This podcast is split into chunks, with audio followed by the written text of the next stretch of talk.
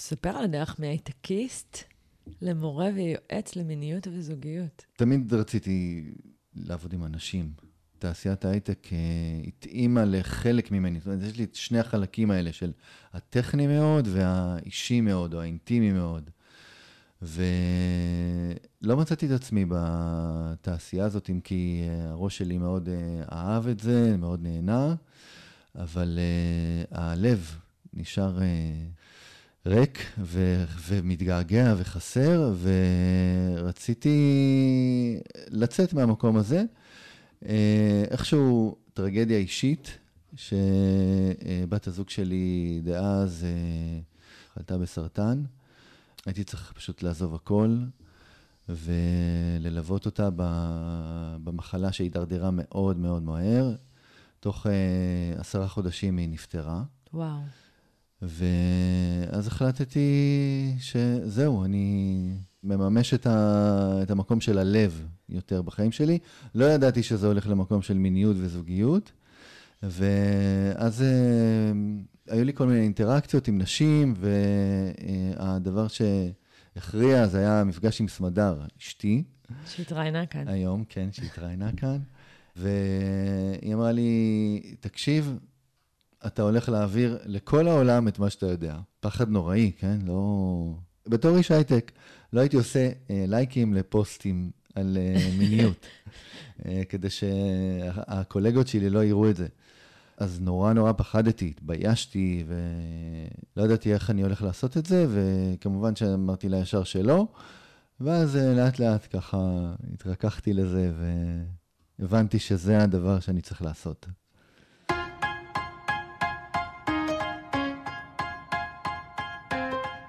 ברוכים הבאים לפודקאסט של מעלה בטוב. תצטרפו לקהילה של מעלה בטוב בפייסבוק, כנסו לערוץ של מעלה בטוב ביוטיוב, תוכנית עם רעיונות, כלים לשיפור ה-well-being שלנו בעולם מתמהר וטכנולוגי. אם הפרק הזה עורר אתכם לחשיבה, נגע בכם, הוסיף לכם ערך, כלים, תעזרו לי להפיץ את הידע הזה לעוד אנשים, תעבירו אותו הלאה. אנחנו לא מרבים לדבר על זה, לא ממש יודעים מה קורה אצל האחרים. מה שאנחנו רואים בסדרות ובסרטים לא באמת מייצג את מה שקורה אצלנו בין הסדינים. זה אישי, זה אינטימי. הסקס שלנו זה עוד אפיק תקשורת. הוא מספר סיפור על היחסים בינינו, וגם על היחסים שלנו עם עצמנו. לא מעט זוגות הפסיקו לגמרי, או כמעט לגמרי, להיפגש במיטה. אבל אנחנו יודעים שאנחנו זקוקים למגע, לחיבור, לקשר, והמיניות שלנו היא שער משמעותי, חזרה אל עצמנו. רומזים לנו שיש סקס אחר, טוב שמישהו יודע על זה. אם יש סקס אחר, הביאו לכאן ונדעהו נדבר גלויות, יש או אין, שכבר אנחנו עייפים מאוד מנשינו הבתולות, וכל הזמן מראים לנו בתמונות. יש משהו אחר, אנחנו מרגישים שזה לא סתם, מתוך השיר הקדם-שנתי שכתבה יונה וולך.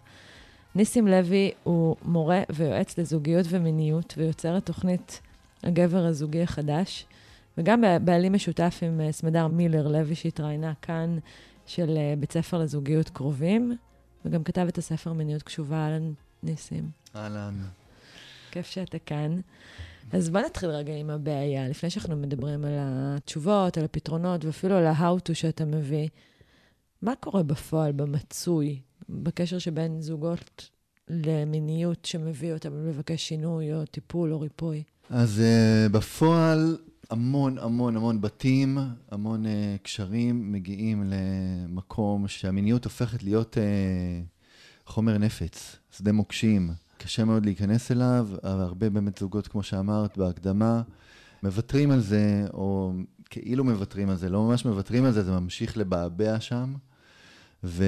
שזה נורא מפתיע, כי זה כאילו סקס נורא זמין, נכון? לזוגות שנמצאים ביחד, מן הסתם, לגמרי, זה משאב זאת זמין. ההבטחה, זאת ההבטחה של זוגיות, שיהיה לנו סקס, ויהיה לנו סקס טוב, כי אנחנו אוהבים אחד את השני, ואז uh, אנחנו מוצאים שזה, אחרי כמובן תקופת ההתאהבות, uh, המון המון קשיים סביב הנושא הזה, חוסר הבנה זה של זו, ובאמת חוסר תקשורת, כזה, קצר בתקשורת. אז עם מה באים בפועל לקליניקה או לטיפול? עם, מה? אם לא עושים את זה, אם לא רוצים, אם זה יוצר ויכוחים? איך זה נראה במציאות, באינטרפייס? אז יש כמה דברים. באמת, אחד הדברים הנפוצים זה, אה, בדרך כלל אה, נשים אומרות את זה, אני לא רוצה את זה יותר ככה, אני לא רוצה את זה יותר באופן הזה. כשאישה שמה סטופ, הגבר, אוקיי, הבנתי, צריך לעשות משהו, צריך ללכת לטיפול. אה, כאילו זה מתחיל במין סוג של חרם כזה? השבתה? ממש, ממש איזושהי שביתה איטלקית כזאת. זה קורה בגלל עלייה דרמטית במודעות של נשים מתוך האינטראקציה ברשתות החברתיות, שמדברות על זה שדי, מספיק אה, לפתוח את הרגליים ולרצות את הגבר. זה לא נעים, זה לא כיף, אני גם צריכה ליהנות, אני גם רוצה להגשים את עצמי מבחינה מינית או לגלות את המיניות שלי. מתחילות אולי לנסות לדבר על זה, כיוון שהן רואות שזה לא עובד, שאין בצד השני מישהו שיכול להבין על מה הן מדברות, שזה מאוד מאוד נפוץ. הן מחליטות, אה, זהו, לשים לזה סטופ. אתה אומר שנשים בדרך כלל יוזמות את זה, ולא רק שנשים יוזמות את זה, גם מתחילות מהלא. זה מתחיל מלהגדיר, זה לא מתאים לי יותר, לפני שהם מתחילים בכלל לבנות כן. מה זה אומר, שגברים מרוצים מההסדר הקבוע והמוכר, או ש... בטח, גבר יכול uh, כל החיים ליהנות מהסדר uh, כזה או אחר uh, שמספק את הצורך. רוב הגברים יכולים גם פשוט... גם כשאישה שלך כאילו לא כזה איתך, זה, זה עדיין... תראי, תלוי עד כמה זה יוצא, עד, עד כמה זה ברור, עד כמה זה... בא לידי ביטוי. בא לידי ביטוי, עד כמה היא מראה את זה, כן? אם היא מראה, אם היא מראה את זה בצורה חד משמעית, לאף גבר זה לא נעים, כן? זה... הנטייה היא לחשוב שבת הזוג שלי לא מינית, משהו לא בסדר איתה, היא כבויה, היא איבדה את זה, ואז היא יותר קל, כאילו, האשמה היא באה, אני בסדר, המיניות שלי בסדר, החשק שלי בסדר, התפקוד שלי בסדר, ומשהו לא בסדר איתה, אז אה, אני מחכה שהיא תלך לסדר את זה. אני מוכן אפילו ללכת איתה לטיפול, אם זה יעזור. כדי לתקן אותה. אז אתה מדבר על קושי של שני צדדים. אחד, ומעניין שאתה מקשר את זה לג'נדר, זה תמיד נשים שלא מרוצות מה... לא, לא. זה ברוב המקרים ככה, אבל, אה, אבל יש גם את המצבים ההפוכים. ותראה, זה אף פעם לא מגיע ממקום של אה, רווחה, של יש לנו מין, הוא סבבה, אבל אנחנו רוצים להגיע לרמה הבאה, אנחנו רוצים לגלות משהו אחר. זה תמיד בא ממצוקה. ובדרך כלל מצוקה שנמשכת כמה שנים, לא כמה חודשים, אלא כמה שנים, חמש, שש, שבע שנים. וואו. ואז מה שאתה מתאר זה שברוב המקרים יש צד אחד, בעיקר נשים, שאומרות, לי זה לא מתאים יותר, וגברים שלא היו מפסיקים את זה כי הם היו מסתפקים בפירורים האלה, אבל זה לא כי הם מקבלים באמת חוויה שהיא מלאה והדדית. אומרת, הם גם חווים מן הסתם משהו שהוא לא... תראי, יש איזושהי סקאלה של סיפוק מיני. כל עוד אני נמצא בסקאלה הזאתי, בתוך הסקאלה, זאת אומרת, יש סיפוק מיני, יש אורגזמה לצורך העניין, בתדירות uh, מסוימת, אז זה המינימום שהוא uh, נסבל והוא בסדר. Uh, מעבר לזה, אפשר uh, הרבה יותר, אני אולי רוצה הרבה יותר, אני שואף לי הרבה יותר, אני רוצה מיניות יותר עשירה, יותר uh, כנה, יותר אינטימית, יותר פתוחה. אני רוצה שבת הזוג שלי תיזום. גברים כן באים עם uh, אג'נדה ורצון, אבל הם עדיין, uh, יש איזשהו uh, משהו של ה... יכול להיות של המאצ'ו הישראלי, של סבבה, אני מסתדר עם זה. זה, זה בסדר מה שיש עכשיו. אני יכול לחיות עם זה. זה, זה מקום שגברים יכולים להסתפק בו, ונשים פחות ופחות, שוב. כי מה, מה קורה אצל נשים שאומרות, די, זה, אני לא מוכנה לזה יותר? מה קורה במיטה שמבחינתן הן לא מתכוונות לשחזר שוב? זה קטע שמבחינתי הוא ממש עצוב, באמת. המקום הזה של אה, אישה שזה נע בין לא מרגישה כלום, זאת אומרת, חובה מין אה, נתק כזה, שהוא מתבטא גם פיזית וגם רגשית, בזמן מעשה אהבה או בזמן סקס. זאת אומרת, לא חווה את, ה, את החיבור, לא חווה את, ה, את העונג אפילו, אלא פשוט רק נמצאת שם פיזית, אבל היא לא לגמרי שם. ו... דרך uh, כאבים בזמן uh, סקס, mm-hmm. חוויה רגשית שהיא, uh, שהיא בדידות uh, עמוקה. זה פחות או יותר הדברים המרכזיים. Uh, וחוויה שהגבר שלה בסופו של דבר הוא לא איתה, שהגבר שלך זה שאת... כאילו פיזית אתם שם, יש את החיבור האולטימטיבי כן. בתוך יחסים, והחוויה היא חוויה של לב- לבד. לבד, לבד.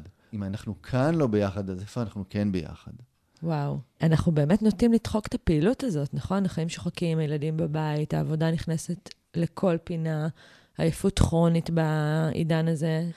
אז אם מגיעים לזה, זה לא מקבל הרבה תשומת לב, זמן ופניות. נכון, זה הפך להיות משהו כמו אה, מילוי צורך. כאילו, זאת הסיבה אולי הבסיסית שבגללה זה לא עובד כמו שהיינו רוצים שזה יעבוד.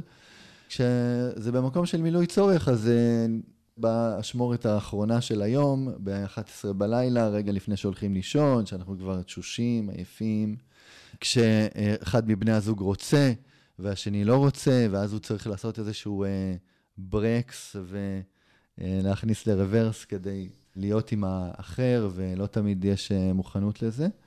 אז באמת, אה, זה לא מקבל את העדיפות הראויה, ולכן כל דבר בחיים שלנו שלא מקבל עדיפות, אם זה כסף, אם זה הורות, אם זה חינוך הילדים, אם זה... כל דבר, הוא לא, הוא, הוא לא לא עובד. מראה תוצאות. הוא לא, בדיוק, הוא לא יעבוד טוב. כן. ובמיוחד הדבר הזה שאני, אני באיזשהו שלב, אחד השינויים הגדולים שעשיתי בחיים שלי זה להבין שהזוגיות ומערכת יחסים שלי עם בת הזוג, הם בעצם הקרקע שלי. משם אני צומח. אני לא יכול לצמוח uh, מכלום. זה הבית שממנו אני יוצא בבוקר, זה הבית שאליו אני חוזר בערב, ושם אני צריך לשים את מירב, ה... אני רוצה, לא צריך, אני רוצה לשים את מירב המאמצים שלי, את מירב המשאבים שלי, וכששם הכל טוב, אז הצמיחה שלי תהיה אתה הרבה יותר... מדושן היטב, כן, כן. תהיה, תהיה... אני אצליח בכל מקום, ואני, אה, כל מה ש... אני יוצא ממקום אה, טוב, זה כמו שאנחנו רוצים שהילדים שלנו יצאו מבית טוב, הם, הם בטח אה, יצליחו בכל דבר עכשיו בחיים. אז אתה אומר, אנחנו מתייחסים לזה כאל איזה מין אקט טכני כזה, שצריך, אה, זה נשמע קצת to get it over with, כמין פורקן כזה, כי איך כן נכון יהיה להתייחס לזה? מה זה אם לא זה? שוב, אם זה הקרקע וזה הבסיס שלי, וזה החיבור שלי עם בת הזוג שלי, הוא הדשן שלי, שלי ושלנו ושל הילדים שלנו, זאת אומרת, זה לראות את זה בראייה יותר רחבה הוליסטית. מאשר, ה... מאשר האקט עצמו והפורקן עצמו, אז אני נותן לזה עדיפות. אני שם את זה אה, במקום ראשון, אני מפנה לזה זמן ביומן, אני מקדיש לזה את הזמן, אני מביא, אני בא כולי, כל כולי, לתוך המרחב, ואני מביא את עצמי, איך שאני.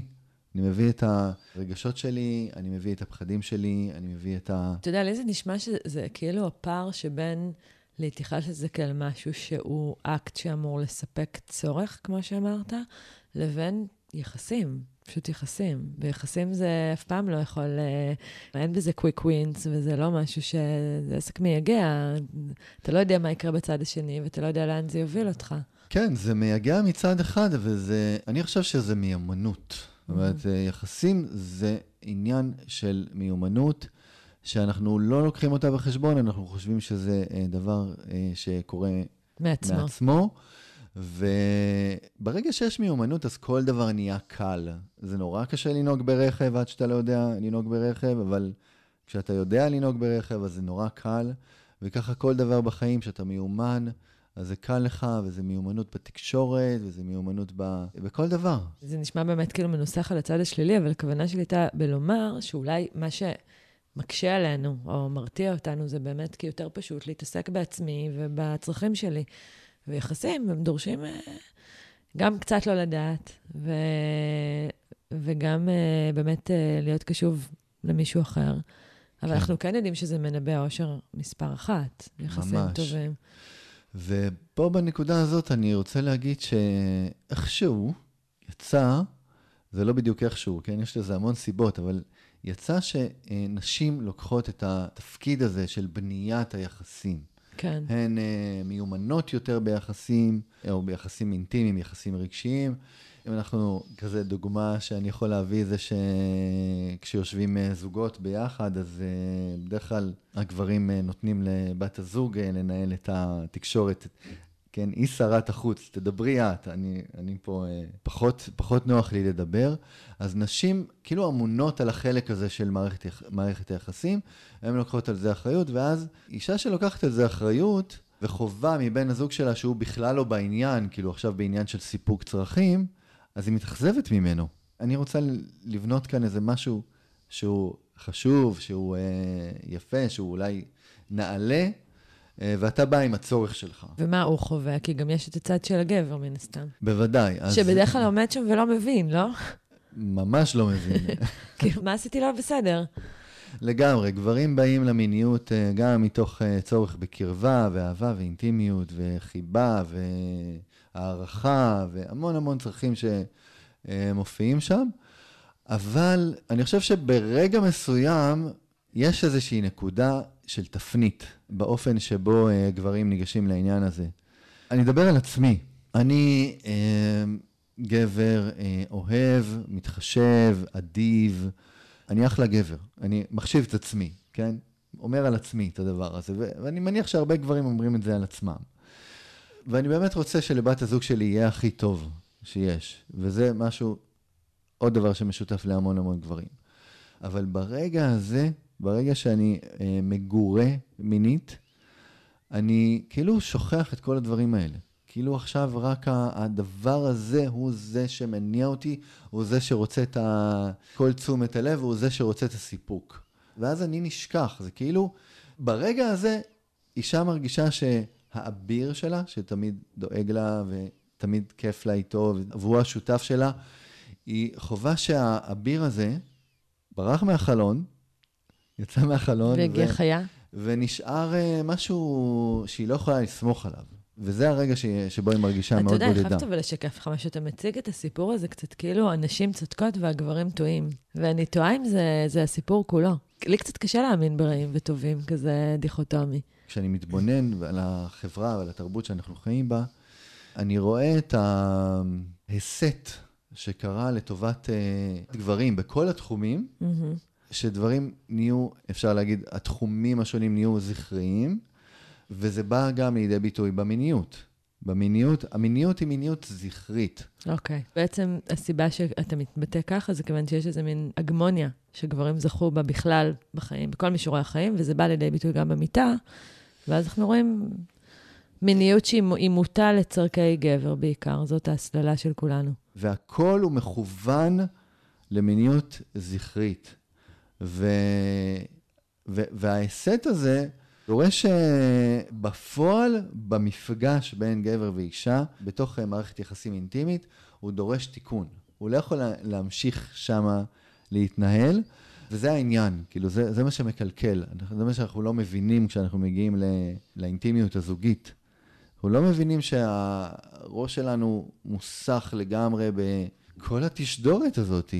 הדבר הכי פשוט שזה בא לידי ביטוי זה הזמנים שבהם גבר מעורר מינית לעומת אה, אישה שמתעוררת מינית.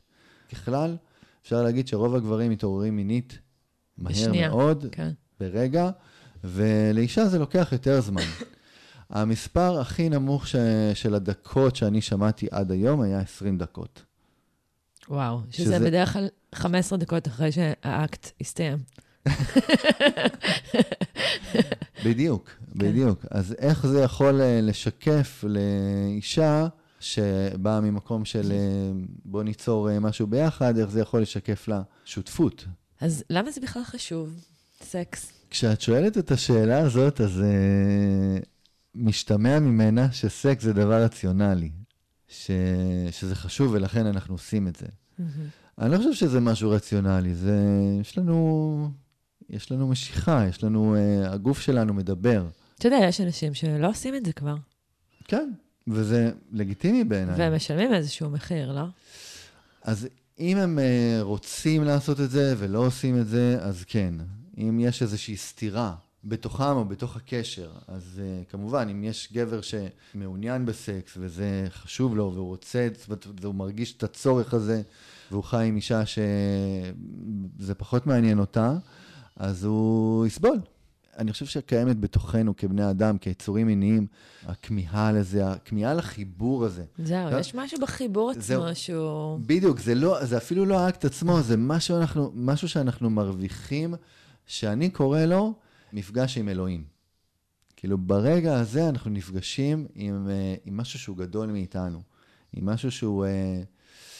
שאנחנו לא יכולים לחוות כמעט בשום מקום אחר, שהוא חוויה, אפשר להגיד, רוחנית באיזשהו אופן. לשם אנחנו מכוונים. ב-90% מהמקרים, 99% מהמקרים, זה לא קורה. ואז אנחנו נשארים מאוכזבים או לומדים להסתפק במועט. בקרב זוגות שכן מתקיים ביניהם, כמו שאמרת, נגיד, אה, אורחות של אה, מעשי אהבה טובים, נעימים, אז, אז מה קורה בחיים שלהם? מה זה מאפשר להם? אז אני אגיד אה, מה זה עושה לנו. יאללה, הכי, הכי, הכי פשוט.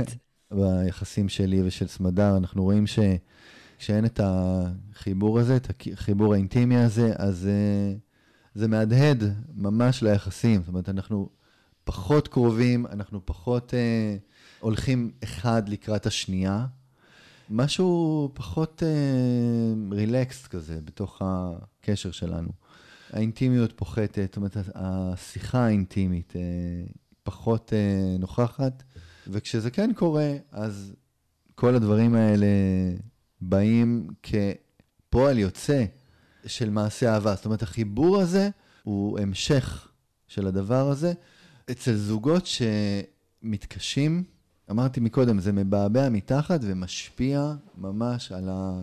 בלי שהם מדברים על זה, כי, כי זו תופעה מאוד מעניינת, שזוגות מכירים אחד את השני הכי טוב בעולם, לא מדברים על סקס. לא מדברים על סקס ביניהם. כי מה? כי זה מביך? כי זה טאבו? כי מה? גם זה מביך וזה טאבו וזה נפיץ בעיקר. זה נפיץ. כל uh, משפט יכול להתפרש ב... בצורה מעליבה, פוגעת, uh, וליצור uh, uh, תגובה לא חיובית מהצד השני. זה כזה, בואו נשמור את, ה, את המפלצת הזאת בתוך הקופסה, ולא נפתח את הקופסה ולא נדבר על זה, כי זה יכול, זה יכול להרוס אותנו. כן, אני חושבת שזאת המחשבה, שזה כאילו... זה יכול להביא לסיום של המערכת יחסים הזאת. או להרוס אפילו את, ה, את הפוטנציאל לסקס טוב, אם מדברים על זה יותר מדי. ממש. צריך כאילו לקרות מאליו. זה אפילו לא מדברים על זה יותר מדי, זה, זה מספיק שמדברים על זה, או מדברים על דברים לא נעימים שקורים בתוך המרחב הזה, ומוציאים את זה לאור, זה יכול לקלקל, ממש, לקלקל, וזאת תהיה בכייה לדורות. בזמן שמן הסתם הטענה שלך תהיה הפוכה. בוודאי, בוודאי. נדרשת מיומנות לשיחה כזאת, אבל צריך לפתח אותה. זאת אומרת, במוקדם או במאוחר צריך לגעת בזה. ולהתחיל להוציא החוצה את השיחה החבויה שפוגעת בנו בלי סוף, ולשים אותה על השולחן. זה תחום כמו כל תחום אחר בקשר שלנו, והוא צריך להיות מדובר. אתה מציע דרך קונקרטית, אני חושבת שלזה מאוד מאוד התחברתי, כי זה מין how to כזה, כמו מתכון מאוד מאוד מעשי, שמאפשר לכל אחד, עוד לפני שבכלל הולכים החוצה ועושים לזה אאוטינג, לכל זוג, לעשות איזושהי עבודה כזאת אחרת, ולגלות מה שאפשר לגלות. אז אתה בעצם מציע מתכון ל love date שמבקש לעשות restart, לעקוב אחרי איזושהי דרך פעולה. אז בוא נדבר על זה, מה זה בדיוק אומר? Love Date הוא באמת מפגש אהבה יזום, שהאמירה המרכזית שנמצאת בו זה יחסי המין חשובים לנו, אנחנו רוצים אותם, הם הבסיס לקשר שלנו, ואנחנו uh, מקדישים לזה זמן ואנרגיה ומקום, ולומדים, לומדים, מתרגלים את הדבר הזה. המוטיבציה, דרך אגב, ללאו דייט יכולה להיות uh, משבר ביחסי המין, זאת אומרת, אין יחסי מין, או יש uh, תלונה, או uh, בקשה שהם יהיו uh, אחרים, או uh, בקשה להתפתח במקום הזה, או uh, אנשים שיש להם כן יחסי מין סדירים, אבל הם uh, נגיד מאוד קצרים, או לא מספקים, או... Uh, אה, היו רוצים באמת להגיע לשלב הבא, mm-hmm. ולגלות משהו חדש. אני מאמין שבכל שלב בקשר, גם אם אנחנו ביחד עשר שנים, עשרים שנה, שלושים שנה, אנחנו יכולים לגלות על עצמנו ועל בני הזוג שלנו ועל החיבור שלנו אה, דברים חדשים. שזה מעניין, כי אגב, אני חושבת שסביב סקס יש הרבה אנשים שבטוחים שכבר אין להם הרבה מה לגלות שם, נכון? הם מנוסים, הם עשו, ו... וברור להם שהם יודעים. לגמרי. כל עוד הדברים נעשים במישור הפיזי, אז באמת אין מה לגלות, כי המישור הפיזי הוא מאוד, אפשר למצות אותו מאוד מהר. כן? יש לנו... אה, סתם, תחשבי על זה, כאילו, העולם הפיזי מזמן לנו כל מיני דברים. אנחנו יכולים, נגיד, לקנות את הדבר הכי טוב בתחום שלו, למשל את האייפון הכי חדש. אנחנו ממצים אותו די מהר. זאת אומרת, המישור הפיזי ממוצה די מהר, ואנחנו, הוא, הוא נמאס מהר. לעומת המישור הרוחני והרגשי והיותר אה, עמוק של הדברים שאנחנו, שהוא אינסופי. כן. הוא בעצם אוקיינוס של uh, תגליות שבהם שזה ממש... אולי באמת אחד, אחד האויבים הגדולים של תשוקה, כי הרי אנחנו מאוד מואסים במוכר ובידוע. וכמו שאתה אומר, העולם הפיזי הוא כבר הופך להיות מוכר וידוע. בדיוק. ובמובן הזה גם קצת מאוס. הוא אפילו אה, הולך ומידרדר מה, מהבחינה הזאת, כי אנחנו אה, נגיד הולכים ומתבגרים, והגוף שלנו כבר לא אה, כמו שהיה כשהיינו צעירים, ויש המון פיתויים בחוץ, ומשהו מבקש מאיתנו. בן אדם, אם אתה לא תעבור עכשיו למישור האחר, הרוחני העמוק יותר, אתה אתה במסלול הידרדרות uh, לתהום. ואתה אומר שאותו מסלול שאתה מדבר עליו, רוחני רגשי, בעצם מאפשר לך להיפגש עם החדש, והחד פעמי אולי, והמסקרן, לגמרי, וההרפתקני. לגמרי, לגמרי. אני מאמין שגם את וגם המאזינים שלנו אה, הם אנשים שמתפתחים כל הזמן ומגלים על עצמם דברים חדשים כל הזמן. אני מתקרב ל-50 ואני ממש מרגיש שעוד לא התחלתי, כאילו ממש, כאילו התחלתי לגרד את הקליפה, אני אה, כזה... אני איתך, אני פשוט לא מבינה איפה מבקשים הארכה. בדיוק, בדיוק, לא יש כל כך הרבה מה לגלות, כאילו, אין מספיק זמן. מלא זמן צריך, כן. ה love date מבקש מאיתנו לעבור בעצם מהמישור הפיזי, שהוא אה, לגמרי בא לידי ביטוי ב love date, אבל הוא לא הפוקוס, הפוקוס הוא יותר בדברים אחרים שהם יותר עמוקים, אה, פחות עניין של אה, עינוג אה, כזה או אחר, טכניקה כזאת או אחרת. זה לא ביצוע. לא, לא, זה ממש לא ביצוע.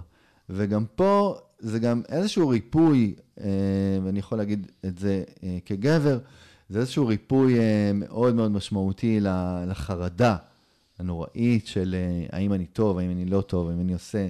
האם אני מספק, האם אני לא מספק. זה חופש. זה מקום של, אה, שאפשר אז, להרפות בו. תן לנו, כאילו, תכניס אותנו פנימה, כי אתה אומר שזה מפגש יזום, שזה כבר מתחיל מאיזשהו ככה עניין שצריך ל, לצלול לתוכו. יזום. בדיוק, צריך לדבר, לדבר על זה. כן, אנחנו כן. Uh, קובעים uh, זמן, אז באמת, uh, זה באמת הבסיס, זה לקבוע זמן, והזמן הזה הוא צריך להיות... Uh, אה, זמן משמעותי מבחינת המשך שלו, הוא לא יכול להיות uh, אה, 20 דקות. צריך להיות uh, במינימום שעה, בין שעה לשעתיים, משהו כזה, וממש לשים את זה ביומן, לפנות זמן ביומן למפגש הזה, ואז כמובן שואלים, זה, אין לי שעתיים, זה, שעתיים בשבוע. ואז כבר יש אמירה שזה חשוב לנו.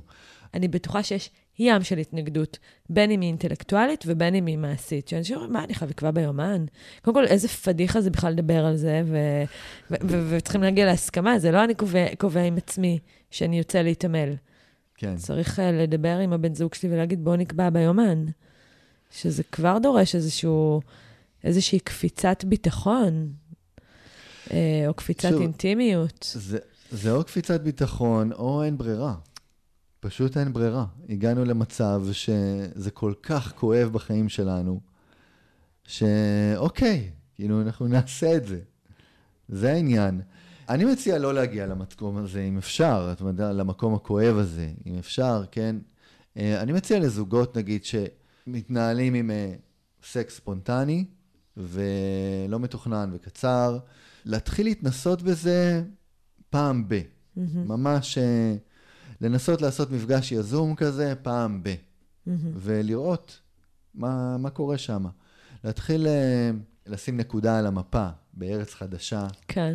ונתחיל אה, לטור אותה ולראות מה יש שם עבורנו. אז עושים משהו אחר, ומחליטים שעכשיו, גם בלי להתחייב יותר מדי, עושים איזשהו מפגש יזום, נקבע, מתוכנן, ומקצים לו בין שעה לשעתיים. נכון. אז איך ניגשים למפגש הזה? הגיע הזמן ביומן. מה שעושים זה עוזבים את כל מה שעשינו עד עכשיו, ונכנסים למקלחת. מתקלחים, ממש לבוא, לבוא נקיים פיזית. אני רוצה להגיד שכל אחד מהשלבים הוא פשוט מהניסיון, ממה שאנחנו שומעים מאנשים. Mm-hmm. אה, למשל, שריחות גוף פוגעים ביכולת שלהם להיות באינטימיות פיזית. אז מה העניין? כאילו, אפשר להתקלח לפני זה, וזה בסדר גמור. ומגיעים למקום שקבענו. אה, המקום שקבענו הוא גם, יש, שוב, אנחנו עדיין בשלב ההכנה, אז רצוי שנגיד אם זה חדר השינה, אז שהוא יהיה, שיהיה מסודר, פחות או יותר, שלא יהיה ערימות של בגדים, שלא יהיה דברים על הרצפה, שהשמיכה תהיה אולי פרוסה על המיטה. מצעים חדשים זה כבר אקסטרה, אבל נקיים, כן? אבל אה, כדאי, כדאי ככה, אם זה ערב, אז אפשר לשים נר, אפשר... זה עניין של פינוק, כאילו ממש לפנק את עצמנו. אני ממש מרגיש, כל פעם שאנחנו נכנסים ל love date, אני מרגיש שנסענו לצימר. כאילו יש משהו ב setting שמייצר אווירה ומייצר הוויה במרחב שלך. כן. שמשפיע על הנוכחות שלך. ל setting יש ממש רזוננס, כאילו, יש לו הדהוד על מה שאנחנו מרגישים. תחשבי על זה, אנחנו נכנסים לחדר של ספא, כאילו, למשל. המוזיקה הזאת והריחות של השמנים, אנחנו ישר כן, לא היינו רוצים להיכנס לחדרים עם פלורסנט ומיטת uh, סוכנות. Uh, ממש, כאילו, יש לזה, יש לזה ממש השפעה. עוד דבר שיש לו רזוננס מאוד חזק, זה מוזיקה. אז uh, מוזיקה שהיא דווקא רגועה כזאת ו- ונעימה, יכולה להיות uh, מושלמת לדבר הזה. לא חייבים את כל הדברים האלה, אבל כל דבר כזה מאוד מאוד משפיע עלינו, ואנחנו יכולים להיעזר בו. זה איזשהו שלב ביניים כזה, כי אחרי שלומדים להרגיע את עצמנו ובאמת להיכנס למוד הזה, אז לא חייבים את כל הדברים האלה, אבל בהתחלה זה ממש נחמד אם עושים אותם. זה שלב ההתחלה, ואז נשכבים במיטה, או מתיישבים, לא חשוב, אבל זה שלב, זה השלב הבא. זה שלב הרגיעה והסינכרון. זה שלב מאוד מאוד חשוב, כי הוא נובע מתוך הבנה שאנחנו, כל אחד הוא ישות נפרדת, ושאנחנו מגיעים למרחב הזה, כל אחד מהעיסוק שהוא היה בו קודם, וכל אחד בא באיזשהו אה, תדר אחר, או באיזשהו רטט אחר. כן, יכול להיות שבאתי מאימון, או אה, היא באה מ, אה, מפגישת עבודה סוערת, או מאיזושהי עשייה אחרת. אנחנו נמצאים בתדרים שונים, אז אנחנו רגע מנסים להשוות את התדרים האלה, כי אחרת אנחנו לא נצליח להסתנכרן, לא נצליח להתחיל מאותה נקודה, אנחנו צריכים להיפגש. איך עושים את זה? אז יש כמה דרכים להסתנכרן. הדרך לעשות את זה זה רגיעה, פשוט להירגע, להוריד את הווליום של העוצמה של, של מה שאנחנו מרגישים כרגע. זה כמו שאנחנו, שוב, נשכבים במיטה ואנחנו לקראת אה, ואנחנו לאט לאט מורידים את הווליום, אז אנחנו רוצים להוריד ווליום ככה. זה ממש ההתחלה. אבל עכשיו, איך זה נראה? כאילו, מה עושים בפועל? בפועל, סמדר ואני נשכבים במיטה, יכול להיות אה, שוכבים על הגב כל אחד, ויכול להיות בעיניים עצומות, או מסתכלים על התקרה, ולרגע אחד באמת... נושמים. נושמים. פשוט לוקחים נשימות עמוקות, ואני מרגיש שאני כזה נש... נשכב על המזרון ו... וממש שוקע לתוך המזרון. מי שמתרגל יוגה, אז אה, מכיר את, ה... את, את התנוחה האחרונה ביוגה, בתרגול, נקראת שוואסנה, תנוחת הגופה. פשוט שומט, שומט את כל מה שבאת איתו, עוזב הכל. ומתמסר לרגע שזה הזה. שזה הכי כאילו ההפך מהאינסטינקט שלנו, נכון? נכון, זה בדיוק הפוך. כן, אנחנו בדרך כלל, מה, אנחנו מגיעים ב... בדרך כלל אנחנו, אנחנו בהוליווד. אנחנו רוצים לעורר את הצד השני, אנחנו רוצים שיקרה פה משהו, אנחנו... האמת היא שלדעתי, איך שאני מבין את זה, אנחנו אחוזי אימה. שמה שאנחנו רוצים שיקרה, לא יקרה, ואנחנו אה, אנחנו נתאפס בבושתנו. ממש אה, פדיחה. ולכן אנחנו משקיעים המון המון מאמץ בלעורר את עצמנו ולעורר את הצד השני. אני אומר, חלאס, די עם המשחקים האלה.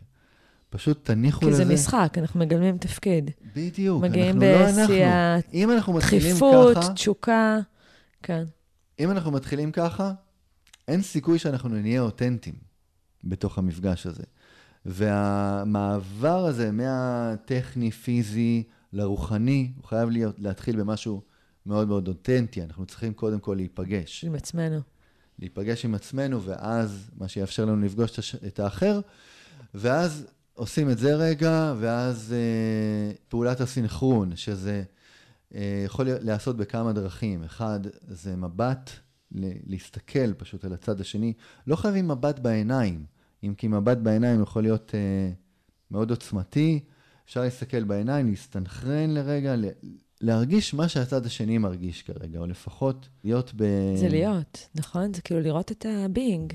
כן, זה לראות איפה, איפה הצד השני, איפה הוא, מה, mm-hmm. מה קורה איתו, מה שלומו, באמת. לא לעשות, לרגע לא לעשות. כן. כן. ואז uh, לנשום ביחד, מאוד עוזר. אגב, מי שמכיר uh, מעולם האימון, יש uh, דבר כזה שנקרא רפור. כן. אנחנו בעצם מאזנים תדר רפור. מזדהים ומובילים, כן. כן. Mm-hmm. מגיעים לאותו, uh, בעצם, בעצם מתחיל המפגש. אנחנו בעצם נפגשים, אנחנו עושים קליק זה עם זו. עוד דבר שעוזר זה מגע, אבל מגע שהוא לא ליטוף, מגע שהוא יד שמונחת. יד, מגע מלא. מה ההבדל בין ליטוף זה ליד מונחת? בליטוף אני בהסחת דעת, אני עושה איזה משהו אוטומטי. כאילו, אני גם מנסה עכשיו לפגוש אותך, ואני גם עושה עוד איזה משהו עם היד, ואני לא לגמרי ביד, ואני לא לגמרי בך, ו... אה, זה צריך להיות התנועה המינימלית שמאפשרת לי קשב מקסימלי. ואז אפשר להתחיל לנוע ביחד עם המגע הזה. זאת אומרת, ברגע שהרגשנו את הקליק, אפשר להתחיל לנוע ביחד, ולכן המגע בהתחלה הוא צריך להיות איטי, אחר כך כמובן אפשר להשתחרר מזה קצת. זה נשמע מאוד טכני ומאוד סוגר ומאוד אני מלחיץ. אני דווקא, אני זורמת איתך על הטכניקה, אני חושבת שזה קריטי.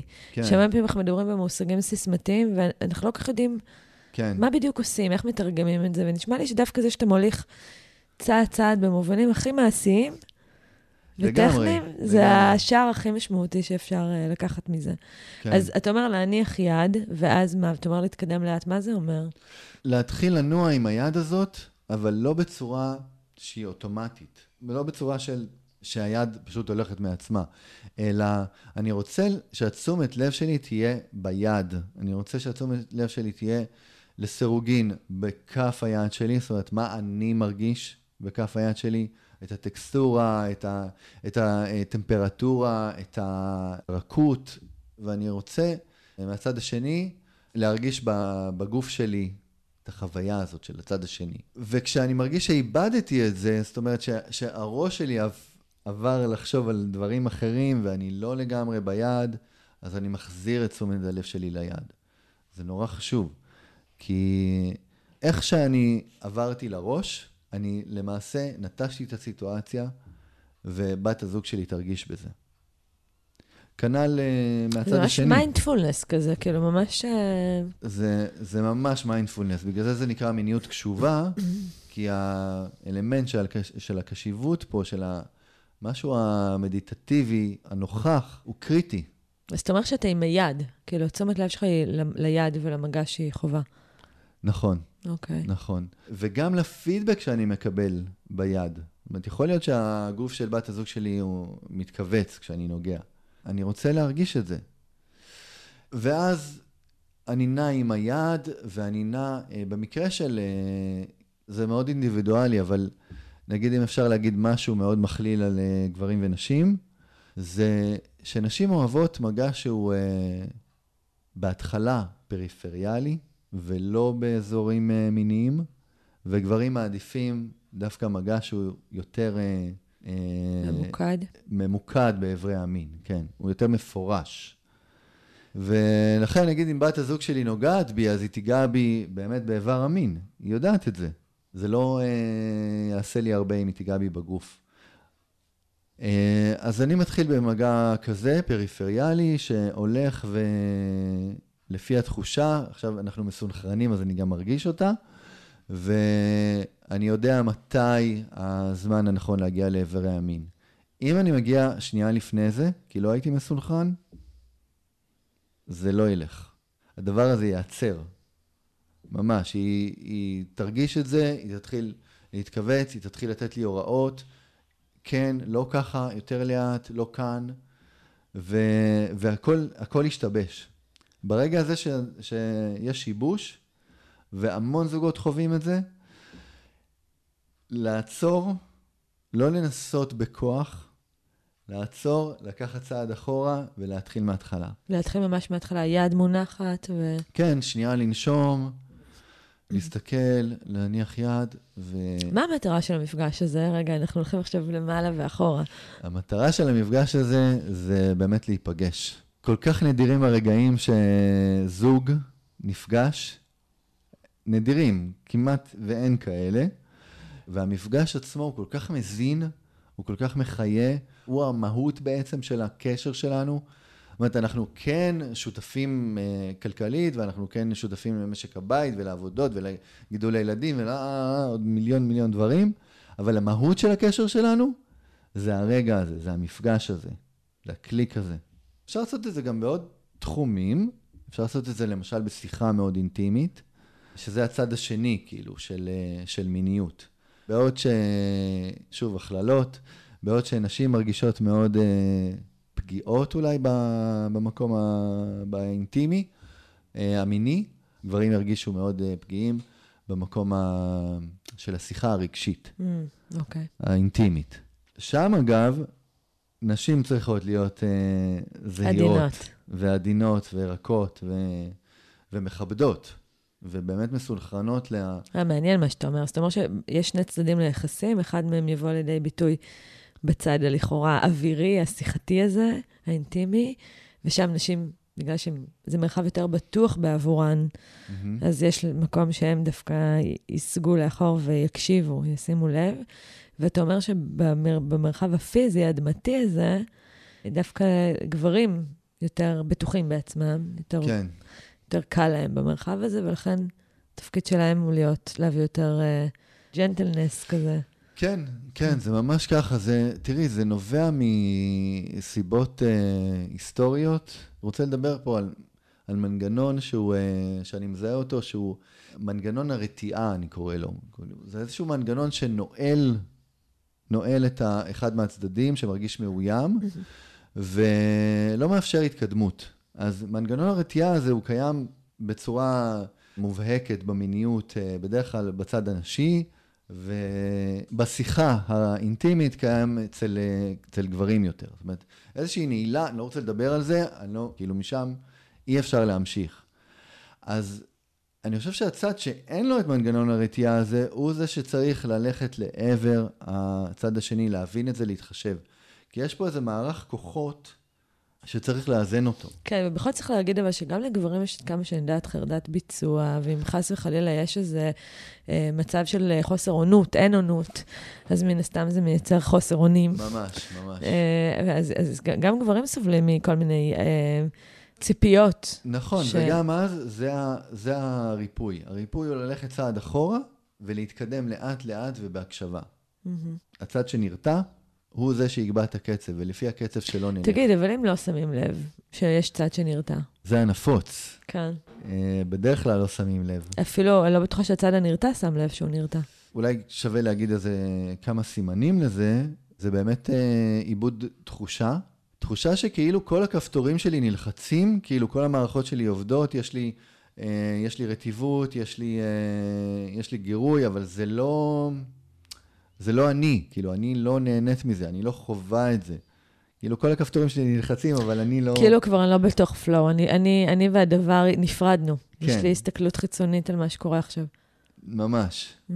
איזושהי אה, דיסוציאציה כזאת, כאילו, אני מנותקת... במקום מה... אחר? כן, מנותקת מהמצב. עוד uh, סימנים זה נשימה מאוד uh, קטנה ולא פתוחה, וזה יכול להיות גם uh, כאבים uh, בזמן חדירה, חוויה ש, שאני אני לא, אני לא, לא ממש, אה, אני לא נהנית, אפשר ותר, להגיד. ותאר לך שאתה במין מפגש כזה, ב love date כזה, ואתה דווקא בתור הצד הנרתע שם לב לרתיעה, אבל הצד השני לא מבחין. הקשיבו לפרק, יש את החוזה, זה יכול... לא מבחין, זה יכול לייצר חוויה יותר קשה, לא? בגלל זה כל כך חשובה השיחה המינית. בגלל זה היא כל כך, כל כך חשובה, כי... אז תוך כדי להגיד? תוך כדי זה אחלה, זה מי שיכול, אה, מעולה. כאילו, יש, נגיד, יש קודים. אז למנגנון הרתיעה הזה, למשל, אנחנו קוראים המאבטח. אז אה, אשתי אומרת לי, מאבטח.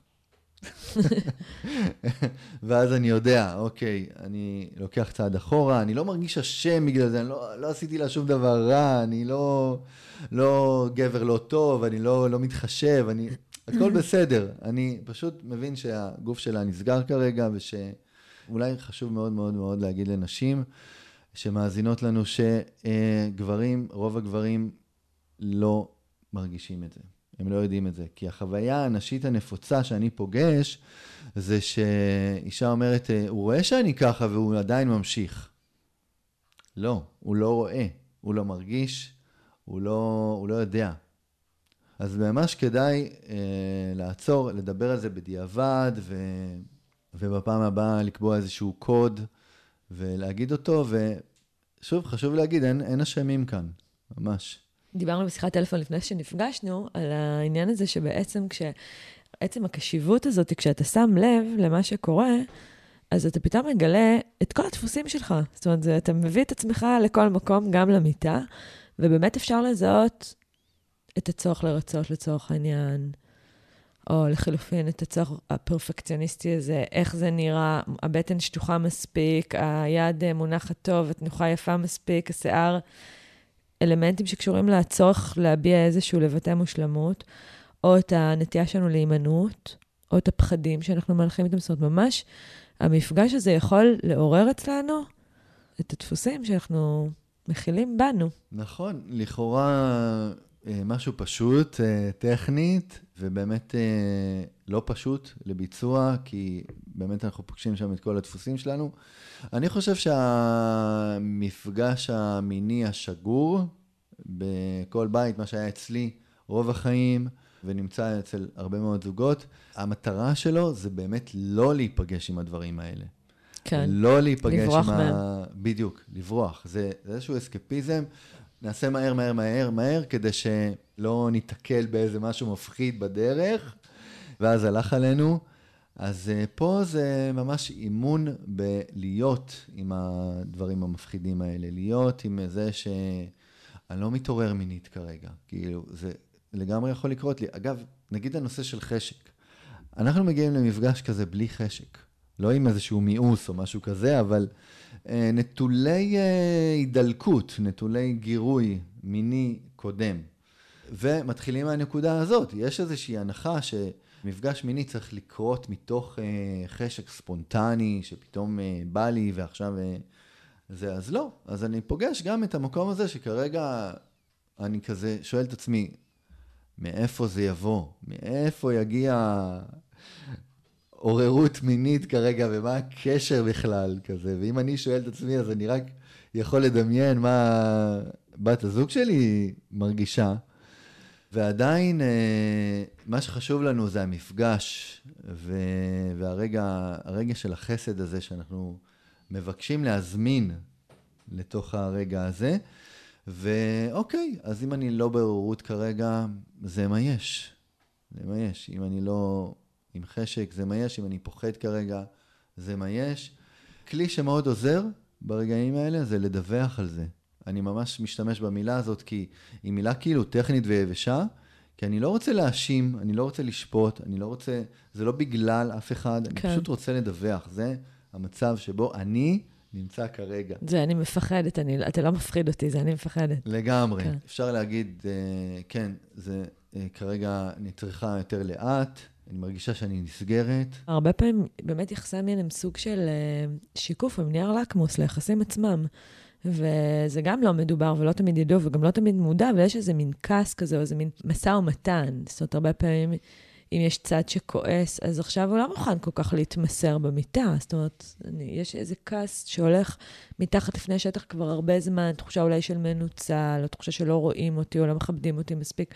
אז מן הסתם, אני לא יכולה לבוא עכשיו מסורה ו- ופגיעה. ו- ומצד שני, יש גם אנשים שמרגישים שכאילו עושים להם דווקא, או מקמצים בזה, או שהם צריכים לרדוף אחרי זה, וכל הזמן עוטפים אותם. יש שם איזשהו סיפור שהוא מתחיל הרבה לפני המפגש עצמו. נכון, זה תמיד שאלה של uh, מאיפה מתחילים לתקן.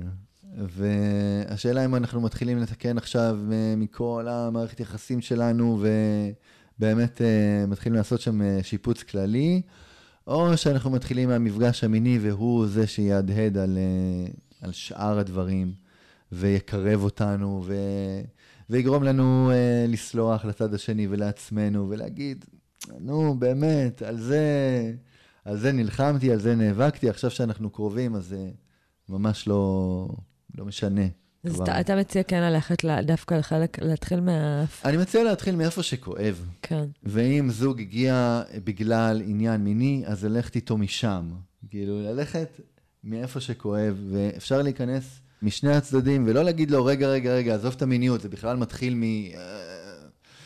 מהיחסים שלכם, מאיך שאתם מדברים אחד לשני, מאיך שאתם...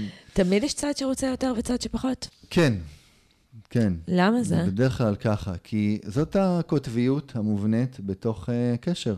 Uh, המגנטיות, שתי איכויות שנפגשות ביחד, ולכל אחת יש את הדרך שלה להסתכל על העולם, ולפרש אותו, ולהבין אותו, ולפעול בו, והמפגש הזה יוצר משהו חדש. הרעיון הוא להביא איזון לתוך המערכת הזאת, ויצירת האיזון היא, היא, היא לא מורכבת, כאילו, היא באמת באמת מאוד מאוד פשוטה, דברים קטנים, שאנחנו יכולים להבין מה הצד השני אה, מבקש, ולהבין שזה לא נגדנו או לרעתנו, ולא לשפוט אותו על זה, אלא באמת להבין, זה, זה המקום, זה המצוקה שהוא נמצא בה. ואתה ממליץ, אגב, להגיע למפגש הזה בלי ציפייה. לפורקן, נכון? או לחדירה, או לאורגזמה. לגמרי. בפעמים הראשונות, ממש uh, להתאמן על זה. המרדף אחרי, הזה שהתרגלנו אליו, המפגש, מרדף אחרי אורגזמה, הוא מסיט את תשומת הלב שלנו למקום אחר. כשאנחנו ממוקדים במטרה, אנחנו לא נמצאים, אנחנו לא יכולים להיפגש באמת. Mm-hmm. וכשאחד מבני הזוג אה, ממוקד במטרה, אז הוא לא רואה את האחר. אנחנו רוצים כל הזמן, כל הזמן, כל הזמן ללכת יד ביד. וכשאחד מנתק את היד, אז מפסיק לעבוד. זאת אומרת, אתה אומר, אם תהיה מטרה חיצונית, אז אנחנו כבר מאבדים אחד את השני. כן. ואתה רוצה לשמור על ההלימה הזאת.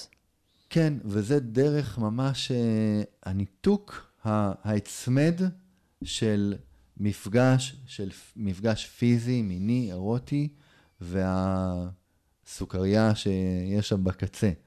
ממש לוותר עליה לרגע, כדי שנוכל באמת באמת להיפגש, ואז אפשר להחזיר אותה, והיא חוזרת. היא חוזרת בעצמה, היא...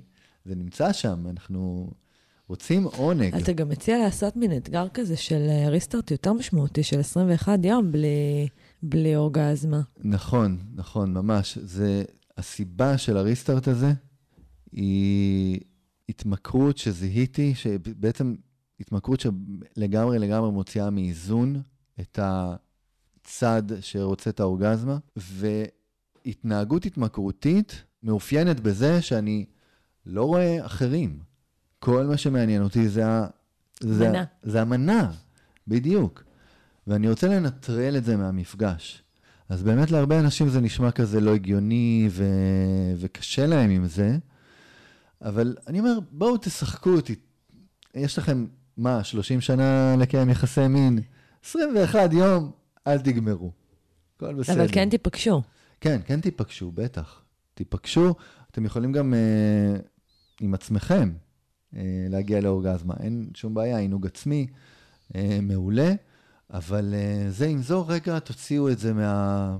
מהסיסטם? מהסיסטם, כדי באמת לאפשר את הדבר המעודן יותר, שהוא mm-hmm. המפגש. מעניין.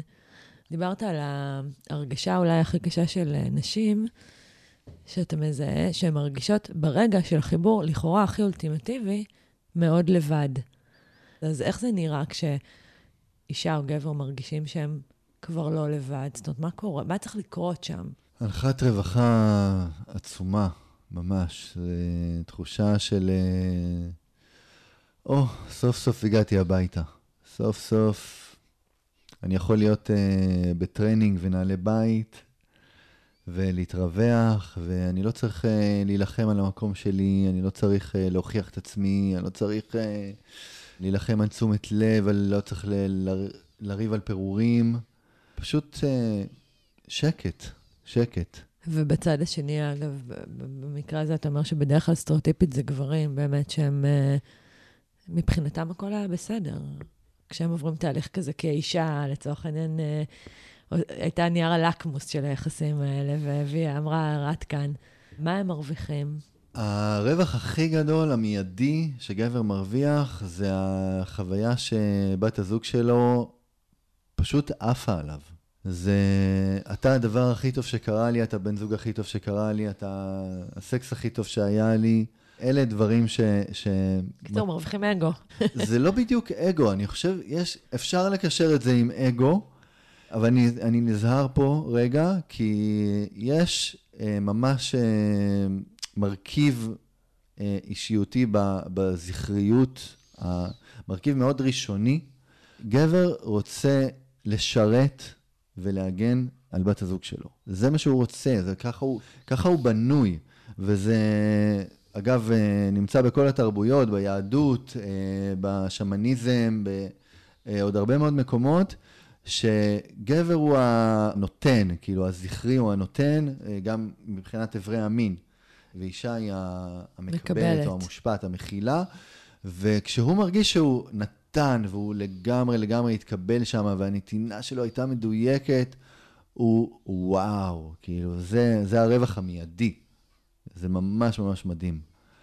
אה, אחר כך יש גם, אה, נוצרת אינטימיות שהיא חדשה, ויכולת אה, להפיל חומות של, את יודעת, הגנות ומחסומים, והמון דברים שגברים גדלים איתם ממש מילדות, ולחוות באמת משהו אחר. כן.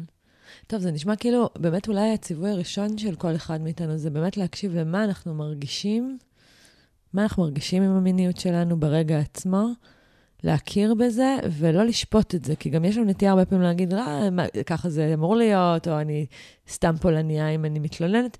רגע שנייה לתת לזה מקום עם הרבה חמלה ולהביט בזה, ואז באמת, ה... נראה לי זה אתגר ללכת עם הרעיון שלך, ובאמת לנסות לעשות משהו אחר מול הדבר הזה, לעשות love date במקום סקס. אה, ממש. ואגב, ב love date, הכל יכול לקרות.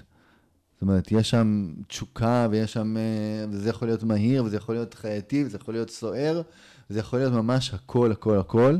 פשוט איך שניגשים לזה, איך שנכנסים ל love date. וגם יכול להיות כלום, לא? וגם יכול להיות כלום, כן. יכול, מה זה כלום? זה, זה אף פעם לא כלום. זה תמיד קרה שם משהו, תמיד היה שם, החיבור הזה למשל, שהוא, אה, למשל, פעם אחת היה לנו לאב דייט, שהוא אה, רק אה, מגע של, ה, של זרת בזרת, ושנינו לבושים, וככה איזה שעה, וזה היה כל כך עמוק וכל כך מרגש וכל כך אירוטי ו- והכול. זאת אומרת, זה רגע מאוד מאוד משמעותי, אז לא קרה שם כלום, זה, אני לא יודע אם זה... הגדרה נכון, רלוונטית. כן. זה נכון. כן. וואו, טוב, ניסים, נגענו בנושא שבאמת נוטים לא לדבר עליו. מה שמסקרן אותי ב- ב- בדרך שלך זה שבאמת אתה הולך לזה מכיוון של לא רק לדבר, אלא גם לעשות. ואתה מסביר בדיוק אבל את האיך. ועכשיו אה, אני שואלת אתכם, איך היה לכם? אני מקווה מאוד שנהנתם. בנימה אישית, בפרקי הפודקאסט מושקע זמן, מחשבה, משאבים רבים בניסיון לזקק ערך משמעותי, לאפשר למידה, הגמשת תודעה, כלים מעשיים. השיתופים שלכם, המלצות ברשתות החברתית, ההודעות המרגשות שלכם על תמורות בחייכם, כל אלה הם שכר משמעותי עבורי, ואני מודה לכם מקרב לב. תודה, ניסים. תודה לך. ניפגש כאן שוב בעוד שבועיים, ובינתיים תעלו בטוב ושבוע טוב.